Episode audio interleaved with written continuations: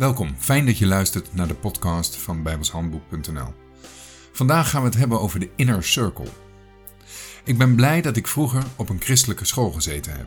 Ik kreeg bijbelse geschiedenis en heb de volgorde van de bijbelboeken uit mijn hoofd moeten leren en we moesten iedere week een psalm uit het hoofd leren. Daar was ik niet heel goed in, maar toch. Door de bijbelse geschiedenislessen kan ik veel verhalen uit de Bijbel beter plaatsen wie wanneer ongeveer leefde en wat die mensen allemaal uitgesproken hebben.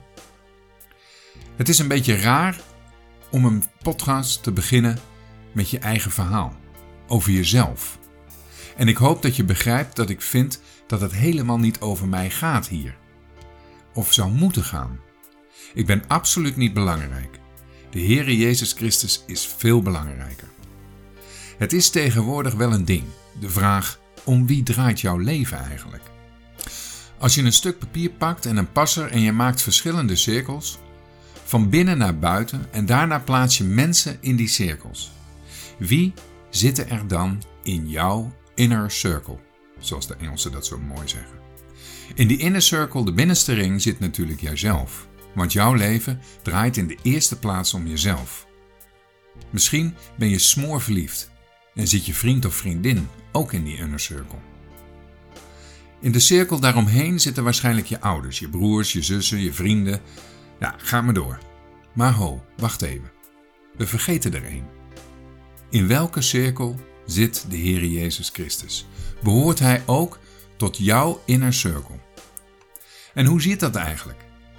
Paulus zegt over zichzelf in Galaten 2 vers 20: Ik ben met Christus gekruist en ik leef, doch niet meer ik, maar Christus leeft in mij.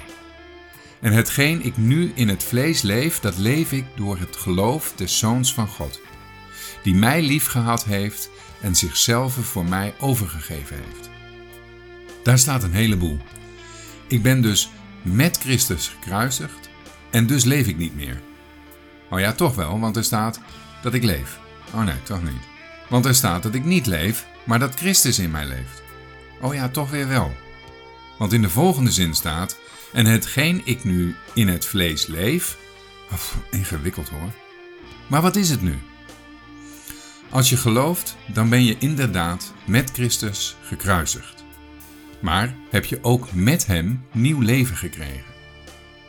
Aan de ene kant ben je dus dood, maar aan de andere kant leef je. Je lichaam leeft nog wel. Dat heeft met de oude en de nieuwe mens te maken. De oude mens, dat vlees, je lichaam, leeft nog wel, maar is dood voor God. En nu is het de bedoeling dat je met je oude mens die nieuwe mens gaat laten groeien. Je gaat je nieuwe leven leven. En dat nieuwe leven is in Christus. Die nieuwe mens is Christus in jou. Eigenlijk is het de bedoeling dat je jezelf een beetje uit die inner circle laat verdwijnen. Dat je leventje niet meer alleen om jezelf draait, maar vooral om Christus, om dat nieuwe leven. Dat het niet meer om jouw gedachten gaat en om wat jij ervan vindt, maar om Christus zijn gedachten en wat Hij ervan vindt. Daarom is het ook zo belangrijk dat je Hem leert kennen, zodat daardoor Zijn gedachten jouw gedachten worden.